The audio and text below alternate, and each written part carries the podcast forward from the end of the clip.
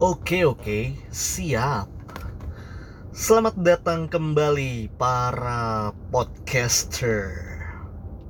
Especially mana suka podcast listener. Apa kabar hari ini? Semoga kalian dalam keadaan baik-baik saja, yang sakit cepat disembuhkan, disehatkan kembali supaya bisa beraktivitas secara normal lagi dan yang sehat semakin terus bisa menjaga kesehatannya. Jangan ngedrop. Always positive thinking karena itulah obatnya. Semua penyakit bersumber dari pikiran. Boleh berpikir tapi jangan terlalu dalam Oke, okay, let's get to the point. Hari ini gue ada di Central Park. Ada yang bertanya kenapa, nanti bakal tahu sendiri lah. Gue kenapa ada di Central Park. Uh, actually, I'm working here. My profession is operational driver officer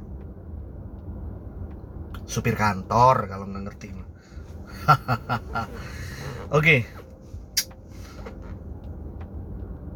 gue baru pertama kali sebenarnya menjalani profesi ini sebagai supir kantor dan jujur sih fun asik. Orang-orang yang gue bawa juga asik-asik. Tapi ya begitulah. Uh, kita tidak bisa semaunya sendiri kalau kerja walaupun orangnya asik-asik. Tapi gue di sini pengen ngasih tahu aja sih bukan ngasih tahu sih ya sok banget gue pengen berbagi, sharing. Dari tahun 2007 gue kerja. Jujur, mungkin dari transisi kali ya, dari masa sekolah ke masa masa-masa kerja gitu. Dari yang tadinya ibarat kata hanya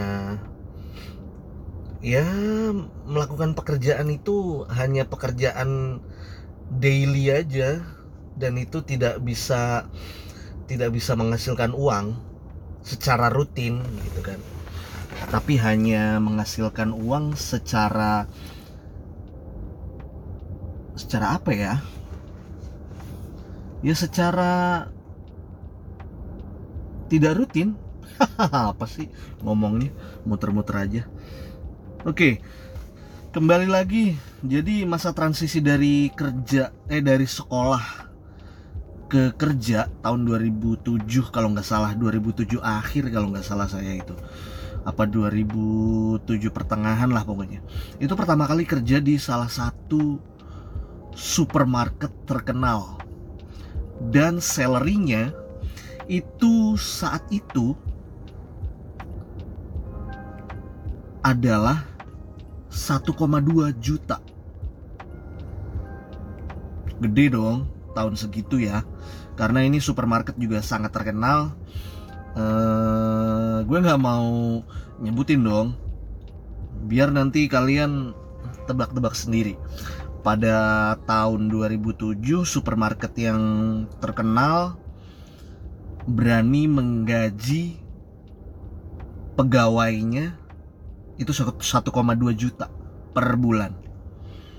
Belum lagi kalau misalnya uh, mencapai target kan. I'm not sales, marketing.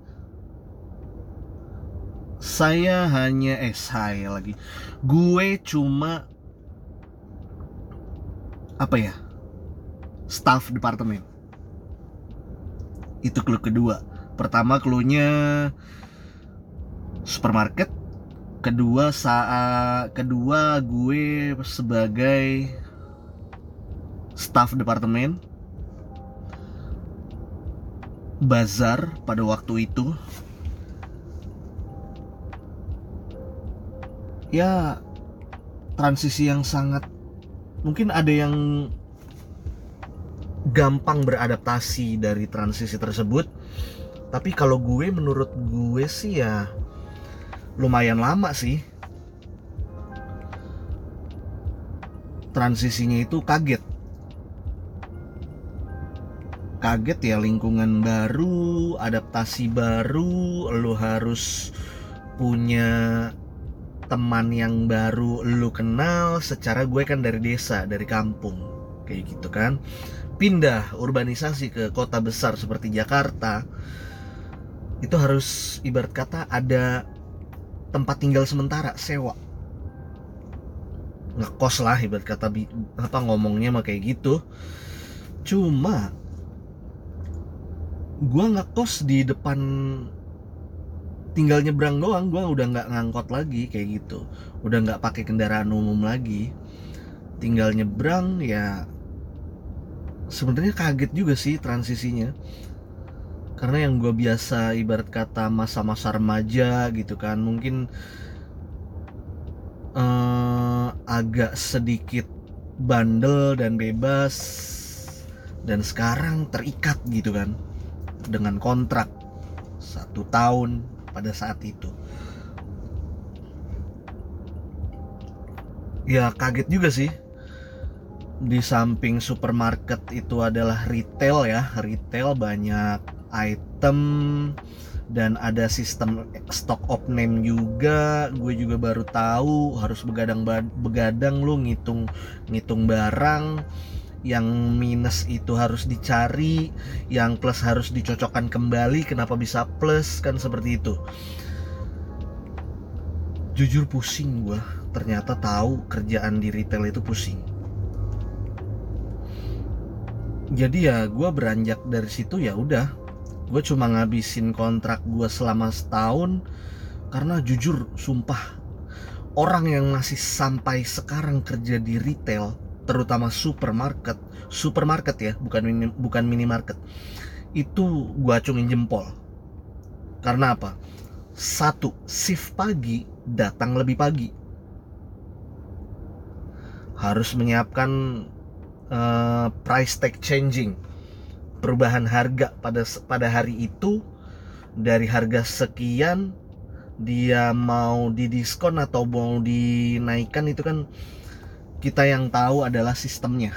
Kita cek sistem perubahan harga harus selalu diperhatikan supaya tidak ada customer complaint pengaduan dari pelanggan gitu kan.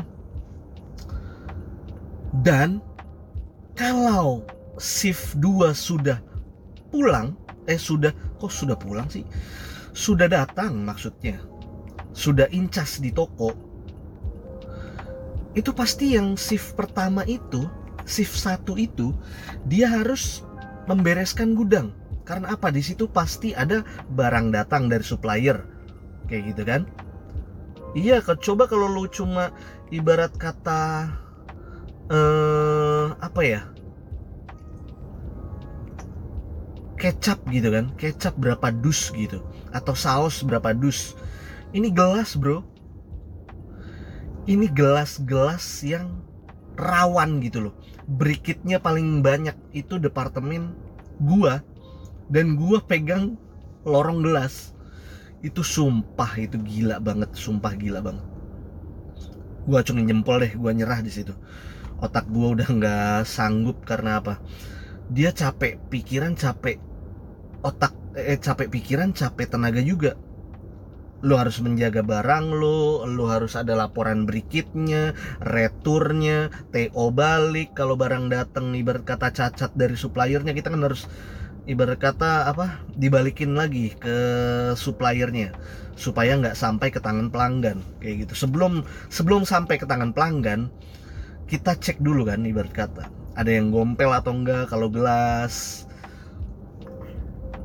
Kalau produk melamin ada yang ibarat kata apa ya meleot-meleot karena packaging atau uh, produk gagal gitu kan. Itu gue salut banget sampai sekarang. Which is gue sampai sekarang itu masih ibarat kata apa ya? Masih mikir gitu. Capeknya tuh bukan main. And until now you can say that this is the apa ya pekerjaan gue atau profesi gue yang sekarang itu enak banget. Ibarat kata setelah lu berjibaku dari tahun 2007 sampai kemarin ya tahun kemarin uh, tahun 2019 akhir gue masuk ke perusahaan yang ini dan gue nyaman sampai sekarang. Udah masuk tahun kedua dan gue diperpanjang lagi kan kontraknya kan alhamdulillah. Ibarat kata seperti itu. Dan pastilah kita nggak mau ngomongin konflik atau apa ya orang apa uh, manusia yang pro dan manusia yang kontra. Karena apa?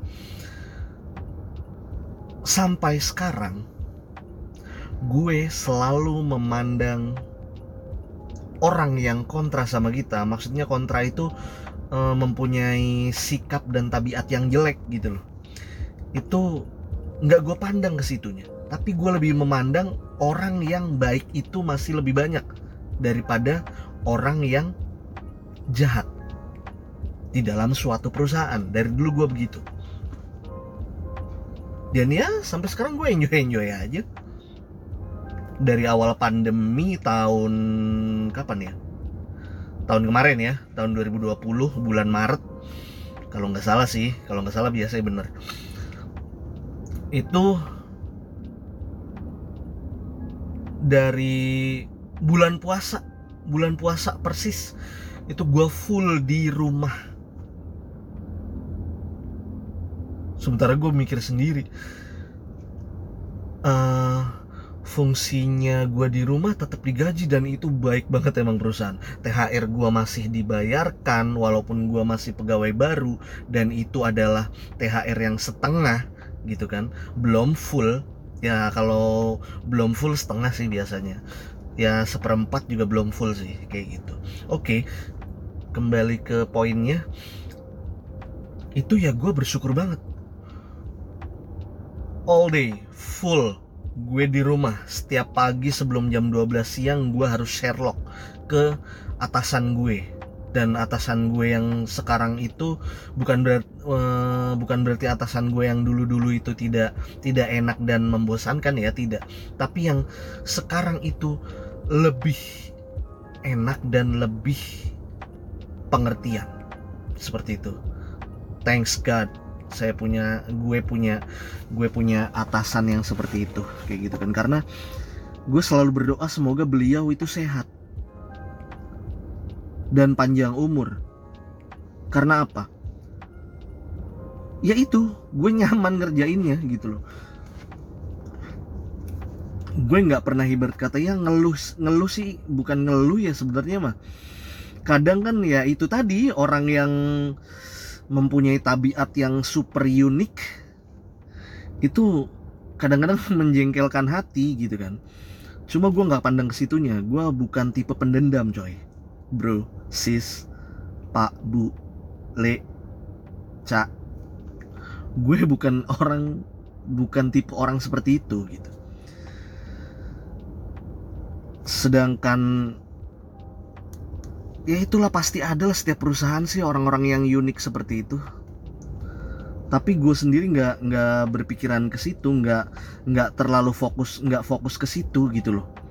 Ya udahlah ibarat kata orang yang seperti itu pasti ada lah setiap perusahaan kayak gitu kan. Dan sekarang sampai sekarang pun gue masih nyaman. Terkecuali mungkin gue juga nggak berani spekulasi sih ketika nanti gue dapat pekerjaan dapat tawaran kerjaan yang baru dengan lingkungan yang baru dengan atasan gue yang baru gue belum tahu kan sifat dan sikapnya seperti apa dan ya gue masih mikir dua kali ketika ada tawaran kerjaan itu karena apa? Walaupun di sini salarynya salarynya nih lu bisa nangis tujuh turunan. Nggak bercanda gue lu tuh ya pokoknya nggak banget lah ibarat kata. Tapi ya itu. Di dunia ini harus ada yang dikor dikorbankan ketika lu memilih sesuatu pasti ada yang lu kor korbankan. Apakah kesenangan lu hobi lu uh, terus apa lagi ya? Uh, gaji lu dengan dengan orang-orang yang enak tapi gaji lu tidak tidak se tidak seenak orang temen-temen lu di kantor itu kan? Kayak gitu di lingkungan kerjaan lu. Tapi gue nggak masalah lah kayak gitu. Ya pengalaman gue yang tidak begitu banyak kayak gitu kan. Dari tahun 2007 ke gua kerja gua nggak begitu banyak ibarat kata uh, ikut-ikutan apalah ya, hangout nongkrong. Tapi gua lebih ke istirahat bro. Capek kalau udah kerja. Terkecuali ada acara keluarga. Itu pun gua kalau capek ada acara keluarga itu gue tinggal bilang apa ya? Lagi nggak enak badan nih Ntar ada yang dengerin protes lagi. Oke okay, fix. Itu semua pengalaman gue. Uh, Coba lo sharing. Berbagi, kita berbagi lah Di kolom komen ataupun nanti lo bisa uh, sharing ke mana ya? Ke channel YouTube gue mungkin. Karena mungkin dari dari awal ini mungkin gue pengen pengen apa ya uh, karena di pekerjaan gue yang baru ini kebanyak kebanyakan waktu luang jadi gue pengen memanfaatkan waktu luang itu untuk hal-hal yang bermanfaat dan bisa menghasilkan duit. Woi, duit bukan yang utama. Wah, itu bener banget bener banget itu bener. Dan ya cuma gue ini aja maksudnya biar gue nggak banyak tidur nggak banyak bengong nggak banyak apa ya nggak banyak ngelamun. Gue bukan tipe orang yang suka ngelamun sih bro. Karena ya itu bukan juga gue bukan tipe orang melamun bukan juga orang yang kreatif banget gitu. Enggak gue nggak seperti itu. Gue berada di tengah-tengah dan cenderung ke mager. Cenderung ke mager. Kayak gitu kan. Oke itu semua pengalaman gue. Semoga apa ya kalau lu lu punya pengalaman yang pengalaman kerjaan sih tentunya yang ibarat kata bikin lu senewan kita sharing bareng di kolom komentar.